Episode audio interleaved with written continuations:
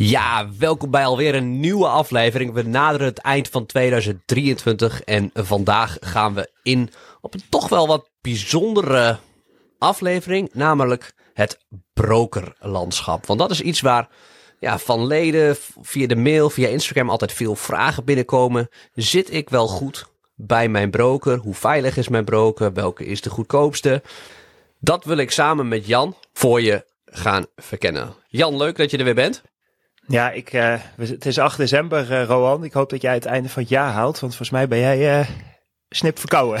en het herstellen van een, van een goede griep. Ja, ik mag dus ook niet lachen, dus als je niet te veel grappen deze keer wil maken, Jan, want dan heeft de luisteraar daar behoorlijk last van. Want dan moet ik gewoon keihard hoesten.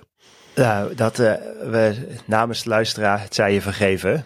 Maar wat, wat we vandaag willen doen, is ja, een aflevering maken over brokers. En eigenlijk is het een, voor ons een uitnodiging te, uh, richting de luisteraar om gewoon eens kritisch te kijken naar de broker waar uh, de luisteraar belegt. Dit is absoluut geen advies. Wij zijn geen broker-experts. Uh, we hebben ook niet alle platformen die we gaan bespreken zelf getest.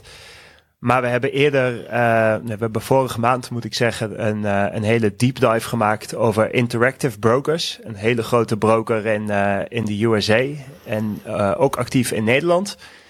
En voor ons was dat eigenlijk de aanleiding om ook eens breder te kijken van goh, hoe, hoe ziet het landschap eruit? Uh, welke kosten brengen de brokers in rekening? En uh, spoiler alert, het zijn vaak verborgen kosten. Um, Roan en ik beleggen beide bij de Giro.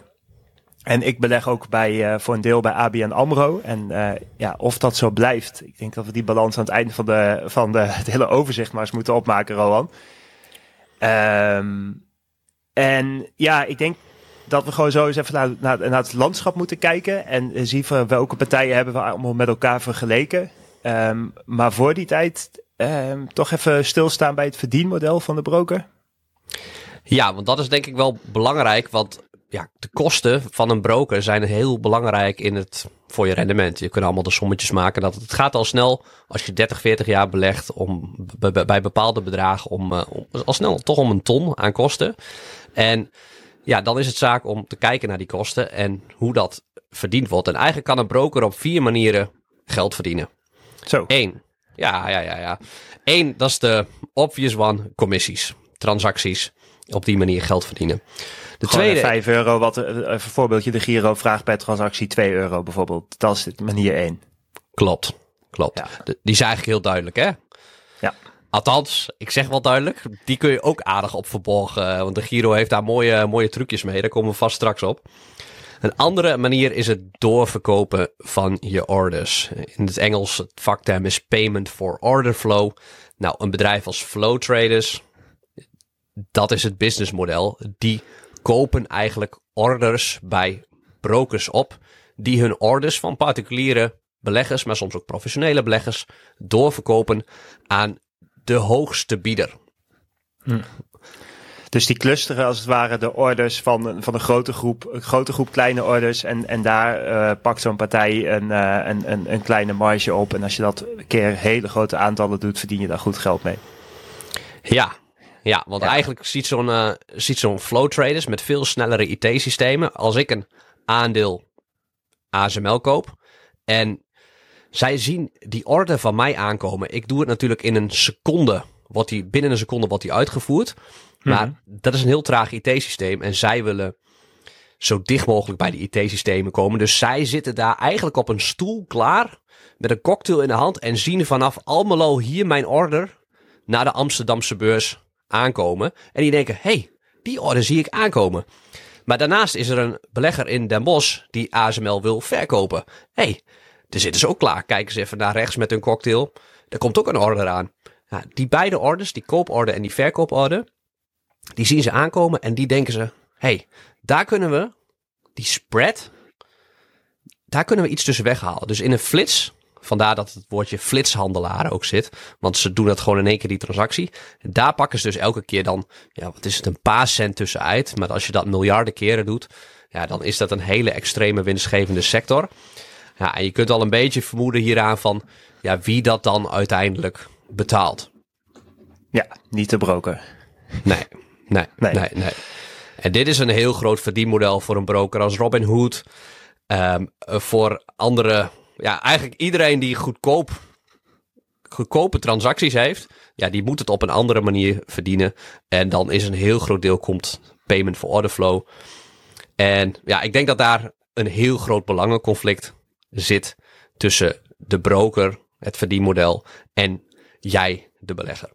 Ja, dus we hebben payment for order flow, we hebben de vaste transactiekosten van de vier. Ja. Nummertje drie. En daarna, nummertje drie. Het uitlenen van je aandelen. Dus de aandelen die jij daar hebt staan bij de Giro, kunnen zij die uitlenen bijvoorbeeld aan een partij die short wil gaan. Nou, die shorter die moet daar gewoon een commissie voor betalen of een rentevergoeding. En op die manier kan de broker geld verdienen. Ja, dus dat kon je vroeger bij, bijvoorbeeld bij je Giro, als je een custody account hebt, dan gebeurt dat niet. Maar dat account is volgens mij tegenwoordig niet meer te openen. Dus uh, ja, al je aandelen kunnen worden uitgeleend. Ja, en sterker nog, volgens mij is dat inderdaad bij de Giro gewoon nu de standaard optie. Uh, daar krijg je niet eens een uh, melding van. Bij sommige brokers vragen ze nog, wil je toestaan dat het je uitgeleend wordt? Bij sommige brokers zeggen ze ook, hey lieve klant, wil je je aandelen uitlenen? Dan deel je bijvoorbeeld voor 50% mee in de opbrengsten. Ja. En op die manier profiteer je samen. Is dat. Ja. ja. Ja. Nummer 4. Renteinkomsten. Dit is, uh, ja, als jij alle cash wat bij ons bij de broker staat, dat sluizen zij eigenlijk door naar de centrale banken. En daar krijgen ze nu inmiddels, uh, wat is het, 3, 4, 5 procent over, afhankelijk van welke centrale bank het geld staat.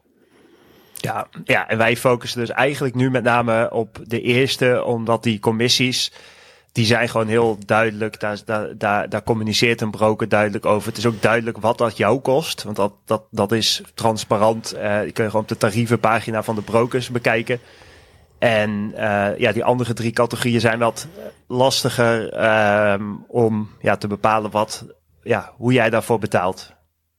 Ja, maar het is wel zo, als er dan twee brokers zijn met dezelfde kosten, ook als je helemaal naar de verborgen kosten hebt gekeken, dezelfde kosten, ja, dan is degene die je orders doorverkoopt um, waarschijnlijk niet de beste broker voor jou. Nee, nee. Nee, daar ben ik met je eens. Dus op die manier, en we hebben natuurlijk bij, uh, er zijn ook wel wat kwalitatieve dingen die we in de vergelijking mee willen nemen. Want uh, niet iedere broker is even populair bij de diverse toezichthouders. Dus dat is ook wel goed om, uh, om als daar wat aan de hand is, dat we dat ook gewoon even benoemen. En ja, dan, kan de luisteraar uiteindelijk toch uh, een, een, soort weging maken van voel ik me. Want het is voor een deel ook vertrouwen en gevoel natuurlijk bij een broker. Uh, naast de kosten, want het is een belangrijke component. Maar wij hebben ook met luisteraars uh, gesproken en die ook bewust, sommigen kiezen echt bewust voor om niet bij de goedkoopste te zitten, omdat ze daar een veiliger gevoel bij hebben. Dus dat is ook gewoon belangrijk gigantisch belangrijk. En ja, Jan, als je even gaat googlen en zo naar brokers en in een opspraak met uh, autoriteiten, zoals de Autoriteit Financiële Markten, ja, je schrik je helemaal laveloos. En ik, ik, ik, ik denk dan altijd een beetje, ik zeg wel eens, op de in de financiële industrie komen veel charlatans op af, want er wordt veel geld verdiend. Ja, dan het brokerlandschap. Ja, daar, daar word je dan wel een beetje droevig van. Eén zo'n voorbeeld van Trade, Trade Republic. Die schermt nu bijvoorbeeld met uh, spaarrentes van 4%. En dan kan je ook nog eens uh, vrijwel commissievrij uh, handelen. Ja, en dan als een CEO dan niet in een interview toegeeft dat ze de orders verkopen. En als een journalist dan doorvraagt, vind je dat ethisch om orders door te verkopen van klanten? En dan ook nog zegt, ja, hier geef ik geen commentaar op. Alsof een soort advocaat hem dat ingefluisterd heeft. Ja, en dan ergens op de website wel staat ik heb het, misschien moet ik het even voorlezen, want dan ben ik er zelf in ieder geval van dit trauma af. De afgelopen vier jaar, oh ja, dan staat er op de site, waarom zijn de kosten bij Trade Republic zo laag? Nou, dat is natuurlijk al een hele suggestieve van, wow, hoe kan dit? Ja, mensen denken wel, oh ja, dat wil ik inderdaad weten, is logisch. De afgelopen vier jaar hebben wij met behulp van moderne technologie sterke digitale financiële instelling opgebouwd. Zoals vele andere brokers, Zoals, ja, wij, wij doen dit niet alleen. Wij doen dit niet alleen. Iedereen doet dit. Dat is dus niet per se waar. Ontvangen wij provisie van handelspartners. Daardoor, ah. kunnen, daardoor kunnen wij je via onze efficiënte structuren vrijwaren van hoge commissies voor orders. Ja, via onze efficiënte structuren. Ja, vrijwaren van hoge commissies voor orders. Heeft ChatGPT dit geschreven of... Uh... Ik weet niet of ChatGPT zo slim is. zo Want- uitgekookt. Dit is wel echt, eh, hier is heel erg met heel veel advocaten en marketeers over nagedacht. Maar ja, eigenlijk verkoop je de orders door en krijgt een consument, een klant niet de beste prijs. En ja, je krijgt lage commissies, dus feitelijk klopt het wat er staat. Maar het is niet eerlijk. Nee. nee. en de Giro doet nee. hetzelfde. Klopt. Klopt. Ehm, ja, ik wil, ik, ik wil nog iets zeggen, maar dat eh, is me ontschoten. Dat zal, eh komt straks alweer. eh oh ja, nee, wat, ik, ehm, wat denk ik goed is om te zeggen. Want eh, als je googelt op Trade Republic of op andere brokers, dan kom je ook regelmatig bij diverse influencers die een, die een broker aanraden. Die zeggen van ga naar de Giro, ga naar dit, ga naar dat. Het zijn, pas daar ontzettend mee op. Want Ehm, ik ga nu ongetwijfeld mensen beledigen voor de voetenschop, eh, voor de ja, voetenschoppen, maar het, het, het is totaal niet objectief. En als je dan kijkt naar de link die daarbij zit, dan zit daar gewoon een referral link achter. Dus de, ja, die persoon is niet belangeloos. Die krijgt daar gewoon voor betaald. Dus ehm, wij hebben geen enkele relatie met welke broker dan ook, Roland en ik. Dus eh, ja, eh, en we gaan ook geen advies geven. Maar als mensen dat wel doen, dan ehm pas daar dan heel erg mee op. Want er zijn Ja. weinig onafhankelijke partijen. Zelfs een, eh, een IEX wordt vaak, eh, podcast wordt vaak gewoon gesponsord door een, eh, door een broker. Ja, ik denk dat niemand vrij kan spreken over brokers. Dat is denk ik een voordeel voor ons. En we krijgen heel vaak zelf mailtjes van brokers die ons willen sponsoren. Nou ja, dat, dat laten we allemaal liggen. Bijvoorbeeld, toen was het zo, als, je, als, ik, als ik een linkje gaf voor een de Giro-rekening, als ik zeg dat dat het beste is. En het was best logisch, hè, ik zit zelf bij de Giro. Ik vond, ik vond het altijd de beste broker. Ja, kreeg 60 euro per link. Per geopende rekening. Ja, Ja, dat is echt serieus geld. had me tonnen opgeleverd. Tonnen.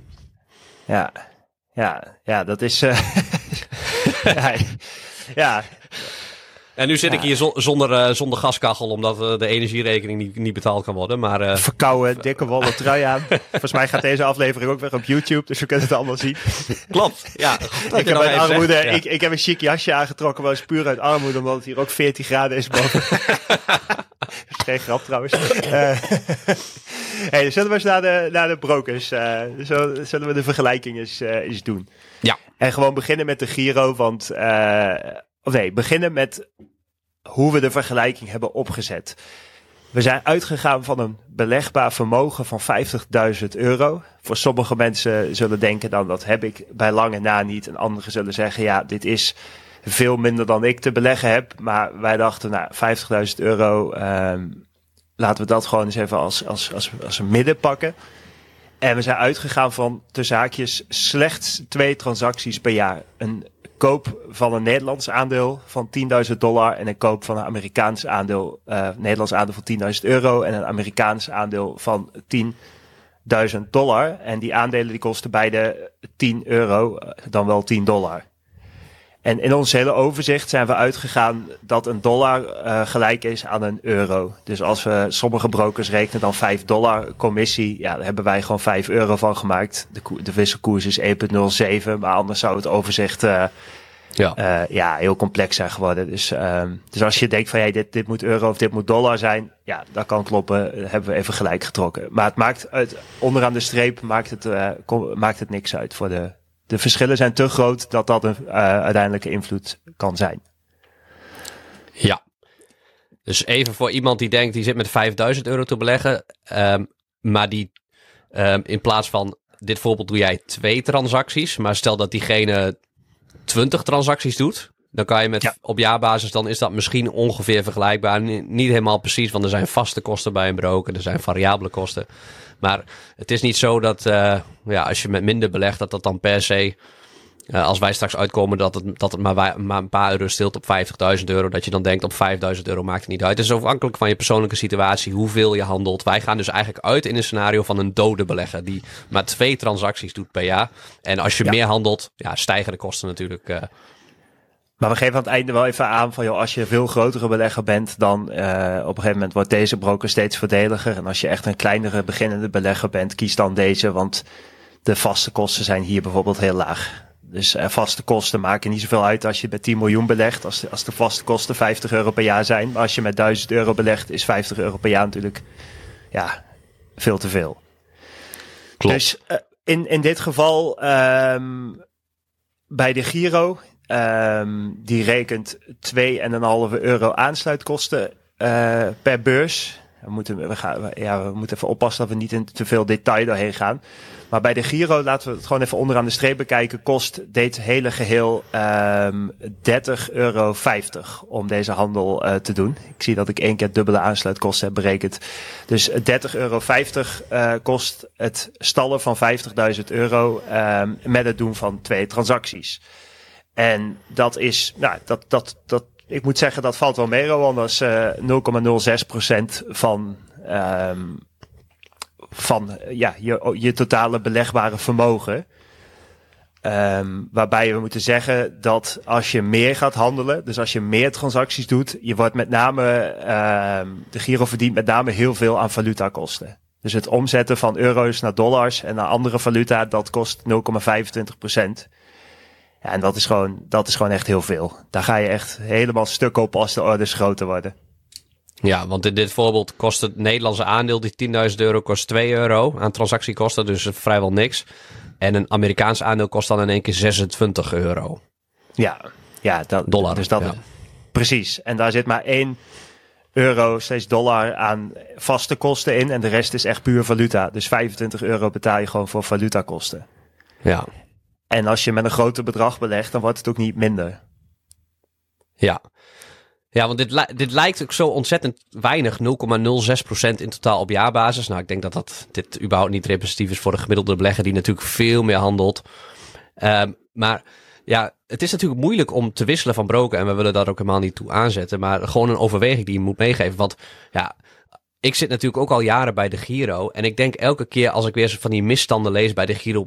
Potverdomme, wat, wat een schandaal. Waarom doen ze dat? Maar ja, ik zit een beetje locked in. En dan ga je toch een beetje soms dingen goed praten, mensen eigen. Want je wil niet door dat papierwerk heen en die extra kosten van het wisselen. Maar soms is het gewoon slim om een beslissing. Ja, we hebben het eigenlijk met de ledendag uh, of decision making over gehad. Om een beslissing dan te nemen. Want als je hem nu die pijn zou nemen. En nu belegt iemand misschien nog met die 5000 euro of 50.000 euro. Maar 50.000 euro is over 30 jaar uiteraard een miljoen. En als je dan die valutakosten gaat terugrekenen, als je die miljoen toevallig in Amerikaanse aandelen hebt staan en je wil dan cashen of uh, je, je wil het aan je kinderen schenken of zo, dan moet je dat eerst terughalen. Er is geen andere manier. En dan betaal je dus 0,25% over die miljoen, is toch 2500 euro. 2500 euro die je gewoon even aan valutakosten moet aftikken. Ja, en het vervelendste is dat uh, de Giro, uh, we staan gewoon hier wat langer bij stil, omdat we hebben gezien dat 80% van de leden van jouw community, Roan, bij de Giro zit. Um, maar de, de Giro heeft dit ook nog wel eens aangepast. Dus het is ook niet zo dat zij hier een, een, um, een, een vast percentage voor hanteren en dat dan vervolgens uh, zo laten. Of dat er een bepaald uh, model achter zit. Want volgens mij is het vorig jaar of het jaar daarvoor is het aangepast. En als je het handmatig doet, zou je denken, oh, dat is mooi. Je kan het ook handmatig doen. Dan doet de Giro het niet voor je. Maar dan kost het ook 0,25% plus een tientje extra. Dus het is ook, je zou zeggen, nou, als je het handmatig doet, dan, dan, dan wordt het goedkoper. Dus voor de, voor de, en je kan ook niet je eigen koers ingeven als je euro's naar dollars uh, converteert. Uh, ook niet als je handmatig doet. Dus je bent ook afhankelijk van de koers die de, ja, die de Giro jou aanbiedt. En je hebt daar helemaal geen inzicht in. Dus ik, ik zou denken, beleg je veel uh, in Nederlandse aandelen. Um, dan is de Giro echt wel een, uh, een hele prima broker met 2 euro transactiekosten. En ben je wat kleiner ook. Maar voor de echt professionele belegger is zijn dit gewoon eigenlijk no-go's. Ja, Nee, dit wil je niet. En ja, ik, ik denk ook niet dat je misschien dat belangenconflict wil. En uh, tijdens ons onderzoek, Jan, kwamen we ook een EU-artikel tegen van deze zomer. Dat de payment for order flow is al verboden in Nederland. Nou, de Giro heeft een trucje gevonden, zoals in het FT-artikel blijkt, van, om dat te omzeilen. Namelijk, de Giro is gekocht door Flatex, een Duitse bank. En in Europa is de wetgeving nu dat orderverkoop niet mag. Maar elk land is vrij om aan zijn eigen lokale wetgeving daar ja, zich op aan te passen. Dus in Duitsland mag het wel. Ja. Uh, dus daarom heeft de Giro, is denk ik een hele belangrijke reden waarom de Giro zich een paar jaar geleden heeft verkocht aan FlatEx. Omdat ze, ja, dat lucratieve verdienmodel mocht niet meer in Nederland. En dat mag dus na die overname door FlatEx mag het wel weer. En uh, dit is denk ik een opmaat voor als je bij de Giro zit, dat de kosten in de toekomst nog wel eens fors kunnen gaan stijgen. Want deze zomer heeft de EU daadwerkelijk besloten om payment for order flow in heel Europa te verbieden. En als ik het goed begrijp, is het dit keer ook definitief dat het elke lidstaat dezelfde regels krijgt. Dus dat de Giro dit niet meer mag doen, Trade Republic niet meer. En bij de, maar al, al die goedkope internetbrokers. En dat betekent dat ze dus van die vier, vier verdienmodellen er eentje zien wegvallen. De meest lucratieve, de, de grote cash. Robin Hood is er groot mee geworden. Dus ze zullen op een andere manier geld moeten verdienen. En dus zullen commissies waarschijnlijk omhoog gaan. Dus ja, ook als je misschien alleen een belegger bent die in Nederlandse aandelen zit, die dus niet met valuta-omwisselkosten te maken krijgt, ja, dan kan het nog wel eens zijn dat die kosten ook fors gaan stijgen en dat de Giro ook gewoon vaste kosten gaat rekenen in de toekomst zo. Althans, de kans is veel groter dat iemand die dat aanbiedt, uh, payment for order flow, ja, die moet een ander verdienmodel gaan verdienen. Dus die moet de kosten in de toekomst gaan verhogen in vergelijking met een broker die dat niet doet. Ja, ja, wat bij de Giro ook uh, zo is, dan, dan zijn we klaar met de rant volgens mij. is uh, als je naar een, uh, een wil deelnemen aan een, aan de AVA, een algemene vergadering van aandeelhouders, dan kost dat in Nederland een tientje. Nou ja, dus als ik naar Albert wil, dan kost het dat een tientje, lekker om de hoek hier in Utrecht. Maar wil ik naar Berkshire of naar Melexis of naar een ander buitenlands bedrijf, dan kost dat 100 euro per keer. Dus dat is best wel, uh, dus, ja, dat, dat echt wel serieus. En bij Berkshire kom je dan nog weg dat je een printje kan laten zien van, goh, ik heb de aandelen en dan mag je lekker bij uh, in, de, in, de, in de zaal plaatsnemen. En dan kan je niet stemmen verder, maar ben je er wel bij. Maar bij de meeste aandeelhoudersvergaderingen moet je toch daadwerkelijk wel laten zien dat je, dat je de stukken hebt. En kost je dat gewoon 100 euro. Is voor een professionele partij natuurlijk niet zoveel. Maar uh, ja, is wel iets om rekening mee te houden als je het leuk vindt om naar uh, die vergaderingen te gaan. Want bij ABN bijvoorbeeld is, weet ik dat, dat is gewoon gratis. Ja. En zullen we de drie grootbanken even bij elkaar pakken? De Nederlandse? Ja. Die hebben eigenlijk, want, want de grootbanken die uh, ABN, Rabo en ING hebben we gepakt. Um, die rekenen allemaal een vast bedrag uh, of een percentage over je belegbare vermogen. Dat doet de Giro uh, en veel andere partijen niet. En dat verschilt bij ING, die vraagt bijvoorbeeld 5 euro per kwartaal plus 0,24% hou je vast van je belegbare vermogen. 0,24% per jaar. Dus, dat, dus als je 50.000 euro belegt, zijn de vaste kosten 140 euro per jaar. ABN rekent 0,2%, maar die rekent dan niet 5 euro per kwartaal. Dus die is dan wel weer uh, wat goedkoper. En Rabobank rekent 0,06% uh, tot 100.000 euro met een minimum van 5 euro. En naarmate je bedragen groter worden, worden die percentages op een gegeven moment lager. Het is net als belastingtarief. Over de eerste ton gaat dan sowieso veel. En ABN, die gaat, die, die, het wordt daarna echt vrij snel veel goedkoper. Um, maar dat is dus wel iets om rekening mee te houden. En uh, het kopen van een aandeel is eigenlijk van een Nederlands aandeel is bij allemaal 10 of 11 euro. Dus dat verschilt, uh, verschilt niet zo heel veel. En het kopen van een, uh, een Amerikaans aandeel varieert tussen de 36 en 57 euro commissie. Waarbij ja, de valutakosten echt ja, heel erg afwijken. ABN vraagt bijna een half procent valutakosten. Echt, echt fors. ABN 0, of Rabo 0,25 uh, procent en ING ook 0,25 procent. Nou ja, als je dat allemaal onderaan de streep zet, dan zit je Zo. een beetje tussen de, de, de Rabobank kost 0,16 procent uh, van je belegbare vermogen aan kosten en ING 0,37 procent. Dus we kunnen allemaal over box 3 belasting uh, uh, hoog of laag springen. Maar als je op dit, met dit portfolio bij ING zit, dan kost het je gewoon 0,37% per jaar. Met dus maar deze twee transacties per jaar. Ja, maar bij ING zit het overgrote gedeelte en bij de andere uh, grootbanken ook wel in die jaarlijkse vaste kosten. Die natuurlijk minder worden naarmate je groter wordt. En die ook niet meestijgen naar hoeveel je transacties je doet. En ik moet zeggen, ik zit zelf bij AB, ABN aandeelhoudersvergaderingen zijn gratis. Als je belt, neemt iemand de telefoon op. Is bij de Giro trouwens niet zo. Als je ehm, een vraag hebt, dan zijn ze bereikbaar. Ehm, en wat ik ook, uh, wat wilde ik nou nog meer zeggen? Um, ja, je, je, ze zijn heel transparant over de kosten. Dus als je een order ja. invoert, dan wordt precies uh, ja, uitgezet of uiteengezet hoeveel de commissie voor een aandeel is, wat, waar de valutakosten in zitten en wat je totale kosten zijn. En zelfs als percentage van je orderwaarde. Dus ja, ik schrik er ook keer weer van, maar ik vind het wel dan weer heel prettig dat ze het zo aangeven en transparant erin zijn. Ja, dat zie je het echt de grootbanken, dat ze daar heel erg duidelijk in zijn in die kosten wat je betaalt. Ja, en ook in, um, en dan komen we toch weer terug op de Giro. Het is best wel moeilijk bij de Giro om te zien wat nou echt je performance per jaar is. Hoe goed jij het nou hebt gedaan.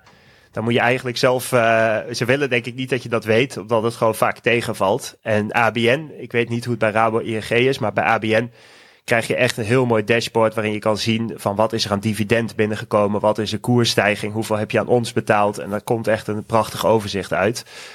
Uh, dus in dit geval betaal je echt wel een stuk meer. Maar je krijgt er ook wel iets meer voor terug. En je, volgens mij verkopen ABN en de grootbanken de orders niet door.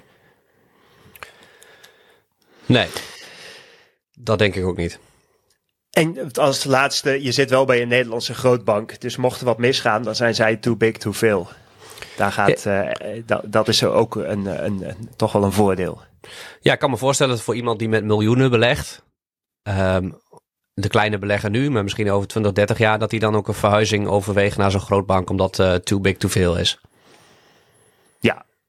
Ja, aan de andere kant zijn die kosten wel, wel serieus. Uh, maar als je niet veel handelt, uh, en het grootste gedeelte is, zijn die vaste kosten. En als je groter wordt, dan nemen die in percentage van het totaal wel af. Dus dan wordt het wel weer iets beter te overzien. Maar het is, het is alsnog, het is wel duurder dan een de Giro. Ja, en ook als je, als je een paar keer handelt in een Amerikaans aandeel, bij een ABN bijvoorbeeld, dan ga je al zo naar 1% uh, kosten per jaar. Dan is het net of je je geld uitbesteedt aan een dure vermogensbeheerder of zo. Ja, je kan wel bij de grootbanken, een, uh, dat kan trouwens bij de Giro ook, dat je, een, uh, dat je op een gegeven moment een dollarrekening opent. Dat kost bij de grootbanken kost dat 5, 6 euro per, ma per maand, die rekening. Bij de Giro is het gratis. En het voordeel is dat je dan Amerikaanse dividenden in dollars, die komen dan gewoon binnen op je dollarrekening. En dan vanaf die dollarrekening kan je dan nieuwe uh, orders inzetten. En dan heb je die valutakosten niet nog een keer. Ja, dit is misschien even de tip die we ook bij de Giro dan moeten geven. Omdat ook 80% van onze leden en dus ook denk ik zo'n deel van onze luisteraars daarbij zit. Uh, dat je die uh, valuta-afhandeling wel even moet instellen op handmatige afwisseling als je van plan bent bijvoorbeeld een Amerikaans aandeel te verkopen en daarna er een voor terug te kopen. Want anders betaal je als je automatische afhandeling doet van valuta twee keer 0,25%, dus 0,5% van het bedrag. En als je dat op handmatig inzet, dan wisselt hij dus gewoon die dollars om voor dollars. En met diezelfde dollars koopt hij weer dat nieuwe Amerikaanse aandeel in dollars. En dan heb je dus geen valutakosten betaald. Zo omzeil je dat dus. En ik denk uh, bij, mijn beleggers, bij mijn beleggersclub uh, maandag toch wel een aantal ervaren beleggers wist lang niet iedereen dat. En uh, ik denk dat dat een hele mooie tip is voor de luisteraar. Ja, daar kan je echt de kosten enorm mee drukken. Want die, ja, de, de grootste kostenpost is gewoon die, die valuta. Dat is... Ik, ja, ik, heb al, ik heb al nooit een mailtje van de Giro gehad met dat ze zeggen van... Hey, als, je, als je slim bent, dan zet je dat op handmatige valuta Nee, nee, je krijgt ook helemaal niet, als je een order invoert, krijg je die valutakosten ook helemaal niet te zien. Hè? Je krijgt hem gewoon in de, in, de, in de afwikkeling van de e-mail die dan komt als de order is uitgevoerd. Dan zie je in één keer dat je die, die valutakosten ook hebt betaald. Maar die zie je niet in, uh, als je de order in het, op de app of op de website uh, invoert. Uh, al dit soort dingen geven mij al wel een oncomfortabel gevoel. Dan denk je, joh, er zijn tegenstrijdige belangen. Wat jullie belang is dat wij dit niet zien. Want anders dan ja, ga je de vraag over stellen of je gedrag aanpassen. Ja. En dat is niet in het belang van de Giro. Dus die conflict of interest die uh, geeft mij geen fijn onderbuikgevoel.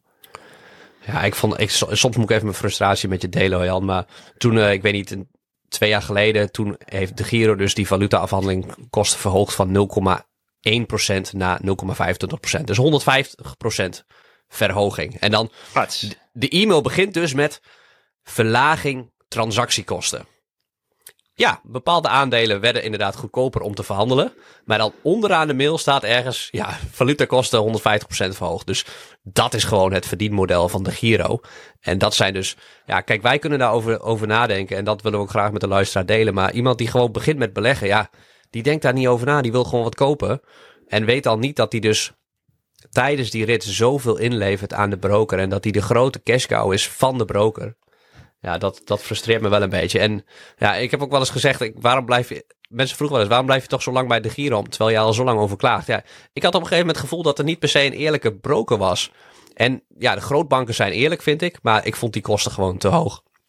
Ja, um, ja nou ja, misschien uh, komt er straks aan het einde van deze podcast nog, uh, nog iets uit.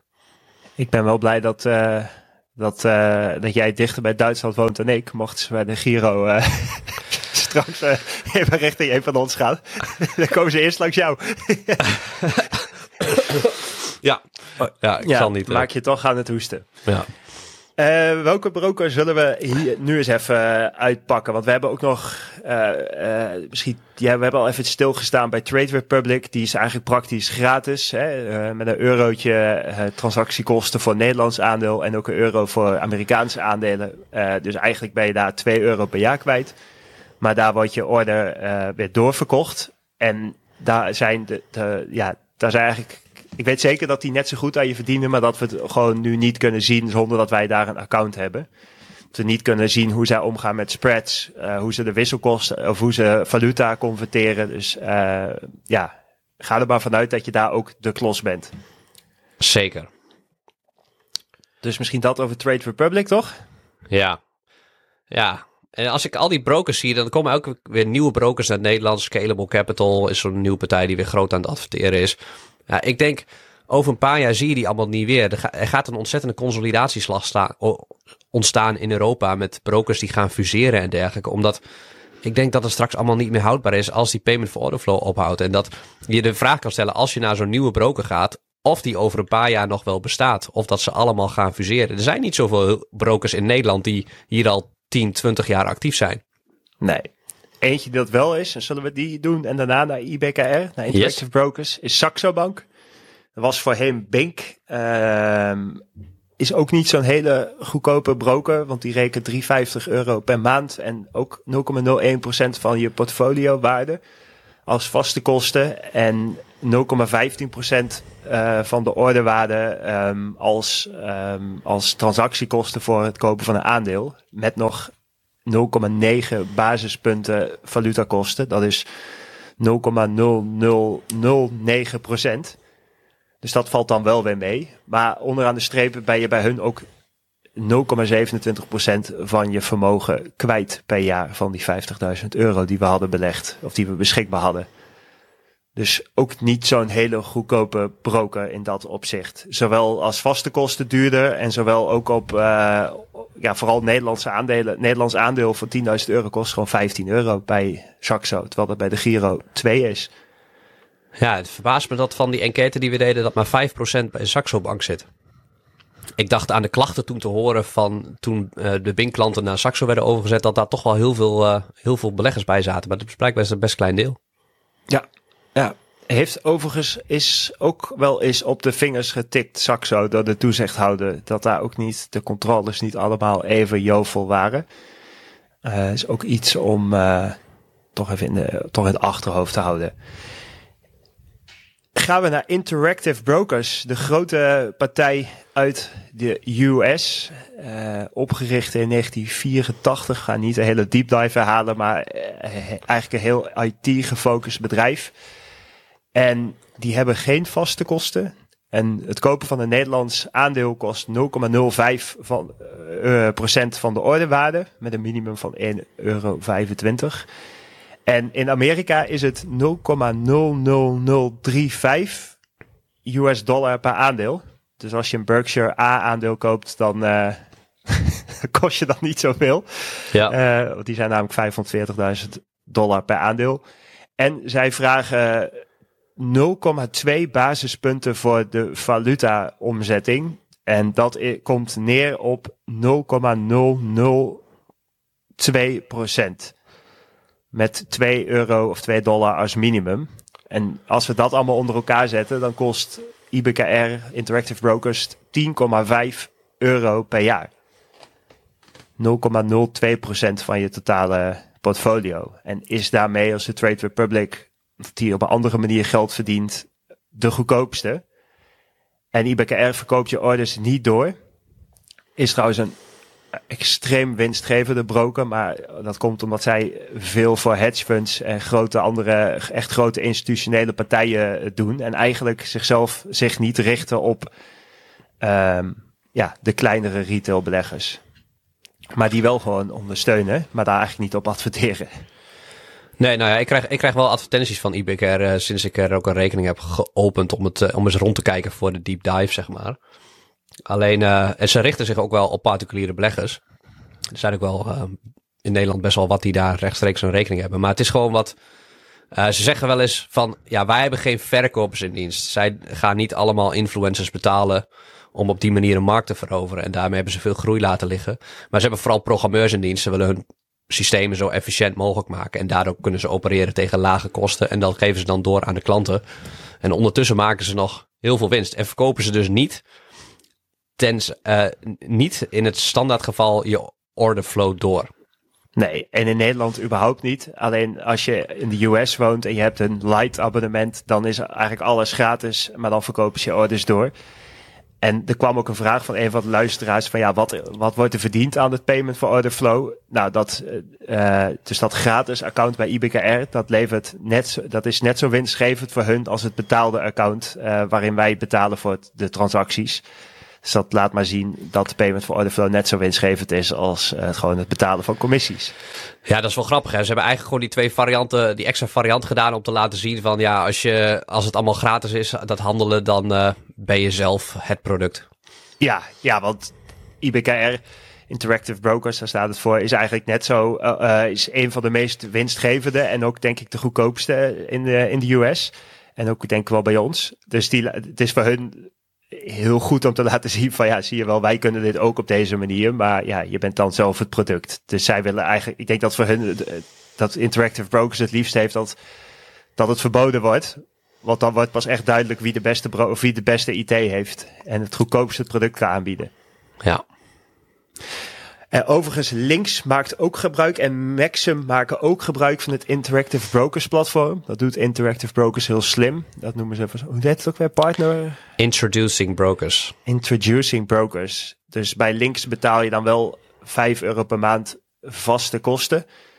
Minus je transactiekosten moet ik erbij zeggen. Dus bij Links betaal je wel wat meer. Maar dan heb je dus wel de functionaliteit van het Interactive Brokers platform, die heel hoog is maar wel Nederlandse klantenservice. En je betaalt wel ietsje meer.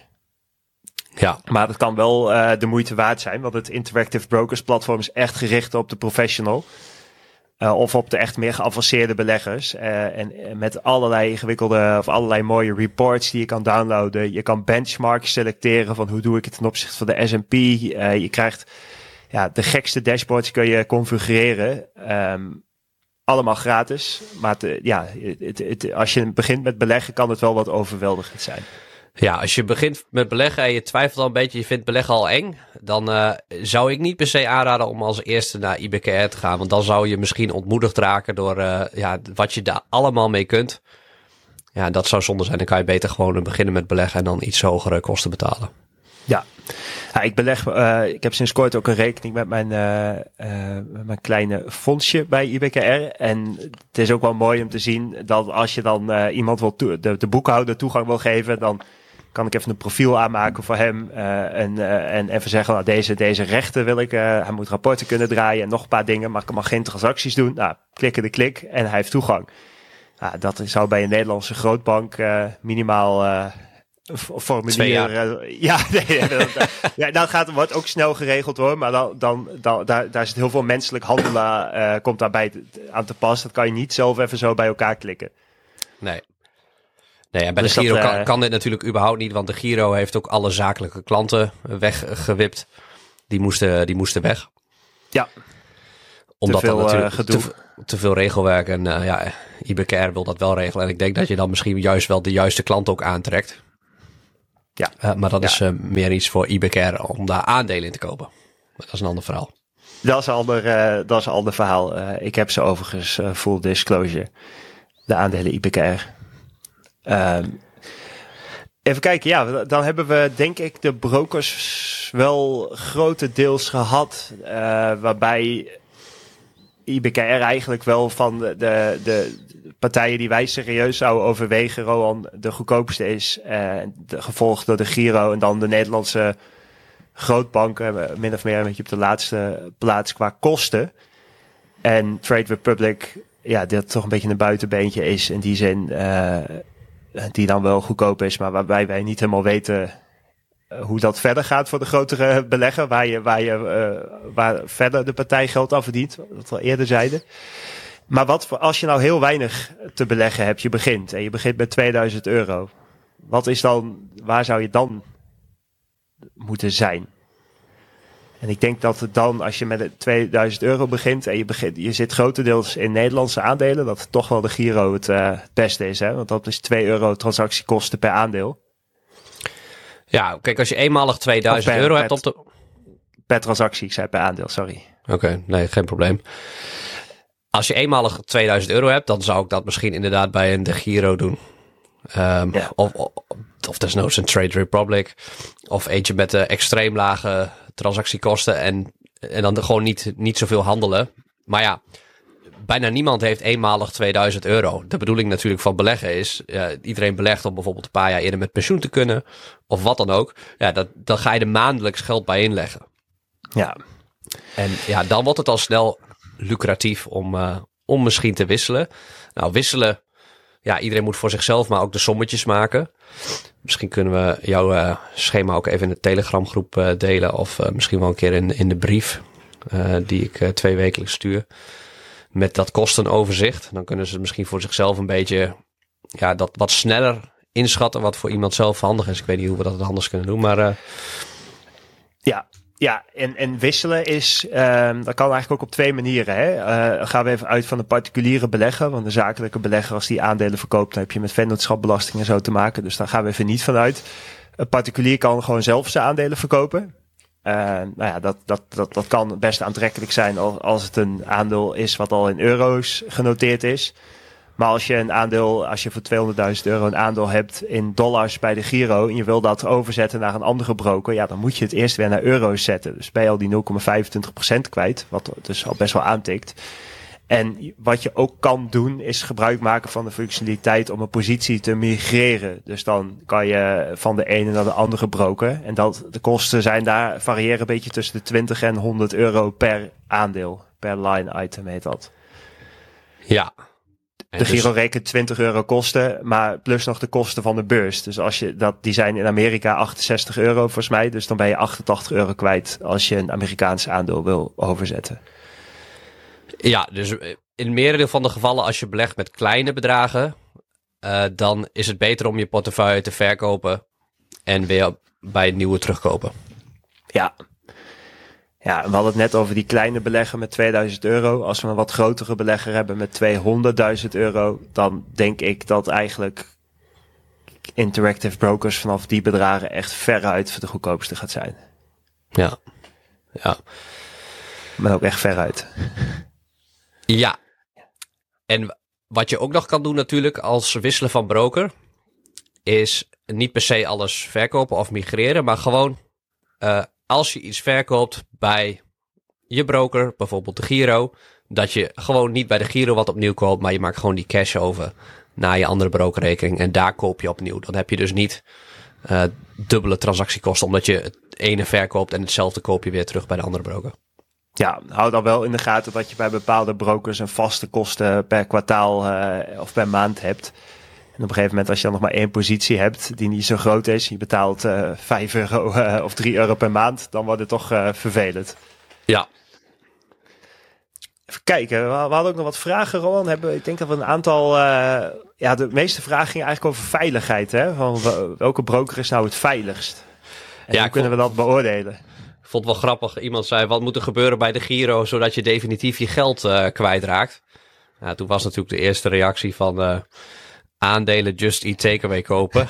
dus, maar goed, dat vond ik heel grappig. Maar um, dat vindt niet iedereen heel grappig trouwens. Nee, Maar, heel ehm, veel mensen niet. Nee, nee. Sorry Maar van goed. jullie. Maar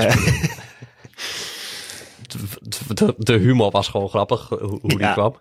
Eh, want iedereen voelde dat, hij, dat hij, iemand die opmerking zou gaan maken. Ehm, maar ja, als we daadwerkelijk bedoelen hoe... Want de onderliggende vraag is natuurlijk, en dit speelt echt voor heel veel mensen. Je bent 30 jaar aan het beleggen, er hoeft maar één keer iets mis te gaan met je broker. En een broker kan failliet gaan. Het is ook gewoon een commercieel bedrijf. Ze kunnen allemaal domme dingen doen, ze kunnen frauderen. Ja, in welke scenario's ben je dan je geld kwijt? Dus bijvoorbeeld je en dan heb je twee dingen: je cash op die rekening en de aandelen die je daar hebt staan. Ja. Ja, en dat is, vind ik, vind ik echt, we hebben het er van tevoren ook over gehad, is voor ons best lastig om te beoordelen. Want eh, het, het, het hangt van heel veel dingen samen die je niet, die je als particulier niet zo even kan inzien. Het hangt ermee eh, samen hoe goed eh, de infrastructuur, de IT-infrastructuur is, wat er gebeurt als er een hack plaatsvindt, hoe goed de backup systemen zijn, hoe goed de, de, de, de, ja, de records en de achtergrond zijn van wie heeft welk aandeel. Want aandelen staan in de meeste gevallen niet op jouw naam. Die staan op naam van de Giro en die zijn dan toegewezen aan jou. Ehm, dat zie je ook als je gaat stemmen. Eh, dan, staat er, dan, moet, dan machtigt de Giro eigenlijk eh, jou om te stemmen. In plaats van dat jij automatisch gemachtigd bent omdat de aandelen op jouw naam staan, zoals vroeger het geval was. Dus je bent wel echt afhankelijk van dat het allemaal goed in elkaar zit. En wij hebben daar in de deep dive eh, naar Interactive Brokers ook over gehad. En het feit dat daar echt hele grote hedge funds en institutionele beleggers zitten, gaf ons wel enig comfort, omdat die ook richting hun klanten een assurance willen geven dat het veilig is. En waarschijnlijk ook allerlei IT-penetration tests en dat soort dingen op de infrastructuur van IBKR gaan uitvoeren. Ja, ik, ga dat, ik heb niet de middelen om dat te vragen van, joh, ik ga het even bij jou doen, beste Giro of ABN. Ehm, dus dus dat, dat zou een teken kunnen zijn. Maar het blijft heel lastig, hè? Voor ons om hier wat van te zeggen.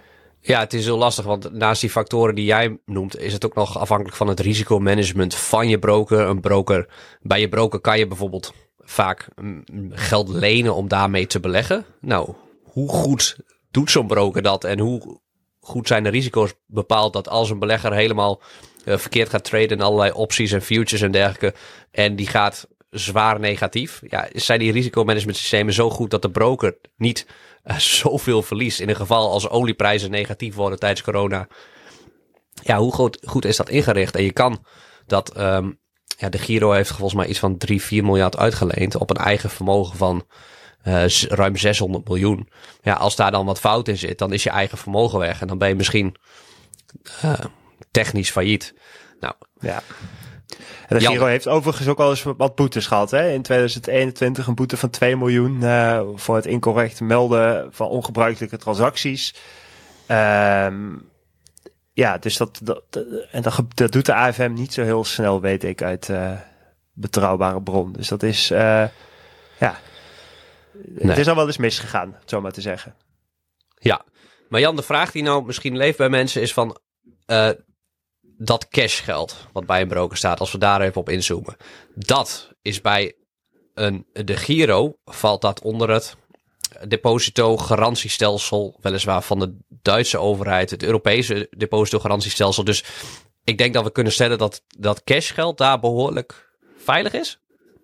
Ja, dat, dat, dat, dat kun je denk ik wel stellen, ja. Ja, ja. Het is natuurlijk niet hetzelfde als het Nederlandse depositogarantiestelsel, waar je dan je geld binnen volgens mij tien werkdagen via iDeal weer terug hebt als er wat misgaat. Ehm, maar dat, dat, ik denk dat dat wel redelijk ook in- bij de andere partijen die gewoon het geld hebben gestald bij een bank, dat dat wel eh, in orde is. En dan gel- hetzelfde geldt volgens mij bij- bij Interactive Brokers, die heeft het ook eh, gewoon in Europa staan. eh, volgens mij zelfs bij JP Morgan ergens, maar dan wel in Europa. Ja. En als je het geld bij de Giro hebt staan, het, ik denk dat niemand daar eh, vele tonnen aan cash laat staan, want je krijgt daar bijvoorbeeld geen rente bij de Giro. Dus dat is, dat is gewoon niet helemaal logisch als je, om daar heel veel cash te laten staan. Dus dat kan je dan beter veilig bij een grootbank stallen, want bij een grootbank is het natuurlijk het allerveiligste, denk ik. Eh, Ja. En als we gaan kijken naar... eh, maar het is in ieder geval denk ik goed om als je bij een broker zit, te checken of eh, het onder het depositogarantiestelsel valt eigenlijk. Puur voor je cashgedeelte. En, En- of de rente gegeven wordt. een mogelijke... bij, bij IBKR krijg je boven de 10.000 euro uh, wel rente, daaronder niet. Bij Trade Republic krijg je 4% rente. Dat is ook de worst waarmee ze natuurlijk de mensen naar binnen willen hengelen. En bij de Nederlandse grootbanken krijg je op je beleggersrekening gewoon het, hetzelfde percentage als op je spaarrekening. Dus wel iets, maar niet zoveel. En als we uitgaan van dat uh, gedeelte de aandelen, want dat, dit is de vraag die wel bij mensen leeft. Uh, mensen weten, ja, mijn broker heeft de plicht om de aandelen niet zelf te bewaren, maar in een apart bewaarbedrijf. En ja, ik kom altijd niet verder van, ja, de AFM of de Duitse BaFin, de Duitse versie van de financieel toezichthouder, die controleert dat. En daar moet ik op een soort van vertrouwen dat zij het werk goed doen. Nou, dat hebben ze bij Wirecard, is dat helemaal misgegaan. Maar uh, in het algemeen, ja, wat, wat moet ik daarmee? Voor mij is dit, is dit een black box. Ik, ik, ik moet daarop kunnen vertrouwen voor mijn gevoel. Ja, nou ja, uh, ik, heel, heel eerlijk te zijn, ik heb geen flauw idee. Um, behalve dat je, dat je kan. Kijk, als een bedrijf voor de rest en management heeft wat heel integer is, wat er al heel lang zit. Bij IBKR zitten ze gemiddeld meer dan 30 jaar bijvoorbeeld. Um, en dat ze voor de rest opereren waarin eigenlijk alles klopt. En alle, dat alles in lijn is met wat ze zeggen en hoe ze geld verdienen. Dan geeft mij dat ergens ook wel vertrouwen dat dat, dat bewaarbedrijf of, of dat die bewaarrekeningen, dat die ook goed zijn ingericht. Of het nou terecht is of niet. En als ik bij de Giro kijk dat daar toch wel regelmatig koppen rollen, CEO vertrekt, toch wel schandalen zijn, dan denk ik van ja, als dit allemaal niet eh, boetes zijn gegeven, als dit allemaal al niet heel goed gaat, ja, hoe goed is dan die inrichting? Uh, ja, dat, dat, dat, dat, dat zijn overwegingen, en, maar wij weten het eigenlijk niet. Tenminste, spreek voor mezelf, Rowan.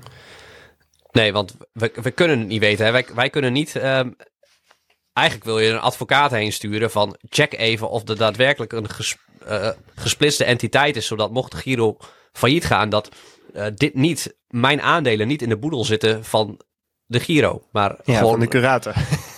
ja, ja, ja. Ja. ja. We um, hebben één ding eigenlijk nog niet gezegd. En dat is dat, dat uh, als je belegt in ETF's, dat er uh, ook best veel brokers zijn die geen die uh, bepaalde ETF's hebben die gewoon gratis zitten. Die zitten in een kernselectie. Dus dan, dus als je in ETF's belegt, kan het ja, kan het weer heel anders zijn dan wat we tot nu toe hebben gezegd. Het ging echt over losse aandelen. Klopt. Zo, Goeie iemand die nu uh, aan het einde van de podcast denkt de ETF beleggen, ja, dat ik hem net zo goed na 10 minuten uit kunnen zetten. Als ik het nu hoor. Dus sorry dan. ja, ja, ja. Zo, nou, ik denk dat we er wel redelijk zijn, hè? Ja, ik zit nog even door die vragen heen te kijken, maar uh, die hebben we denk ik wel uh, nu ook gecoverd. We moesten alleen onze vraag, hè? Wat gaan wij doen? Oh ja. Die hadden we nog wel openstaan. Ja. Ja, mag ik jou het woord geven? Ja, ik wil ja, ik beginnen. Ja, ik... Oké, okay, nou, go ahead. ja, als een soort, um, soort scheiding aankondiging is of zo. Maar um, ja, ja, ja. Ik, ik, ik, ga, ik ga weg bij de Giro. En dat doe ik op een manier zoals ik eigenlijk al net even suggereerde. Ik, nieuwe posities koop ik uh, bij Interactive Brokers. Ja, ja, voor mij geldt eigenlijk het, uh, hetzelfde. Dat, uh, en ja, ik heb niet de dus- aandelen van Interactive Brokers. Dus ik heb, ik heb nog geen belangenconflict. Jij hebt een belangenconflict. Hoor ik het woordje nog? uh, nee, ja, ik heb een, een belangenconflict. Dus luister vooral niet naar mij. Maar ik ga ook in dezelfde strategie toepassen als, als Roan. Waarbij ik het wel irritant vind dat je dan sommige posities dan op twee plekken hebt. Dat, ja. Dan moet ik me even overheen zetten. Um, dus dat eigenlijk, ja. Ja, of de pijn nemen, Jan, en in één keer liquideren. Ja, dat zou ook nog kunnen. Nou ja, wat ik wel fijn vind om. Uh, ik, ben, ik heb dus net een account bij uh, Interactive Brokers geopend. om even te zien hoe zij de jaarafsluiting doen. Of dat allemaal netjes is. Hoe ze dividend verrekenen. Dus dan wacht ik in ieder geval even tot 1 januari. tot het overzicht komt. En dan kijk ik even, ja, vervalt dat nog steeds allemaal? Um, en dan kan, dan kan het ook wel een keer over. Ja, nou. Ja, in mijn geval zit ik dus ook nog waarschijnlijk vijf of tien jaar aan de Giro vast. Ja, dan gaat dat gewoon heel een keer voor die laatste paar posities die. Uh, ja. die, uh, die, die toch overzetten. Waarbij het nadeel is dat je je, je, je aankoopkoers verliest. Dus dan, ja, dat, dat, dat, dat, migreert niet mee. Dus dan moet je zelf wel even een schaduwadministratie bijhouden. Van goh, waar heb ik die aandelen ooit voor gekocht? Ja, ja nee, maar dat, dat is prima te doen. Dat is wel te doen, maar het is wel goed om te weten. Oké. Okay. Nou ja, als de directeur van de Giro meeluistert, het, ja, sorry. Ik denk dat ik jarenlang eigenlijk met best wel voor lage kosten. Want ik, ik heb altijd zo lang bij de Giro gezeten, omdat ze voor mij de laagste kosten vertegenwoordigden. Alleen er is nu gewoon een uh, alternatief. En nu dus kan moet ik je niet eindelijk... gewoon zeggen, graag gedaan? Dat hij zegt van, uh, dankjewel dat je jarenlang op mij betaald hebt. Dat jij zegt, graag gedaan? Misschien is het gewoon graag gedaan het beste, ja. ja. ja.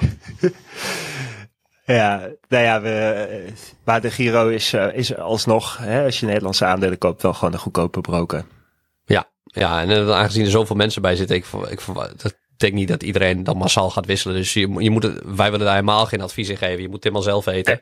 En je kan het voor jezelf uitrekenen. Alleen dit, in deze podcast hebben wij onze overwegingen met jou willen delen. Zodat jij een geïnformeerd besluit kunt nemen. Of misschien gewoon geen besluit.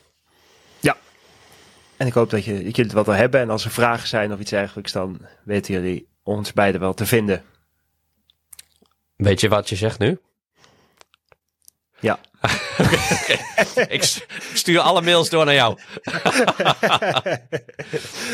Alright. Nee, top. Uh, bedankt voor het luisteren en tot de volgende keer. Een hele leuke boekbespreking. Morgan House, misschien ken je boek Psychologie van Geld. Tenminste, als er geen groot nieuwsevent is, wat we even willen duiden, gaan we dat boek bespreken. Niet dat boek, maar Same as Ever, zijn tweede boek. Ja, ik ben de eerste paar uh, hoofdstukken gelezen, maar fantastisch wat mij betreft. En uh, ik denk dat we als beleggers daar ook heel veel aan hebben. Een stukje, een stukje psychologie, maar gewoon ook, wat blijft het nou altijd hetzelfde als belegger? Ja. In deze waan van de dag waarin we leven. En daar uh, kijk ik echt naar uit om met jou te bespreken, Jan. En te delen met jou als luisteraar. Het is een geweldig boek. Tot dan. Tot dan.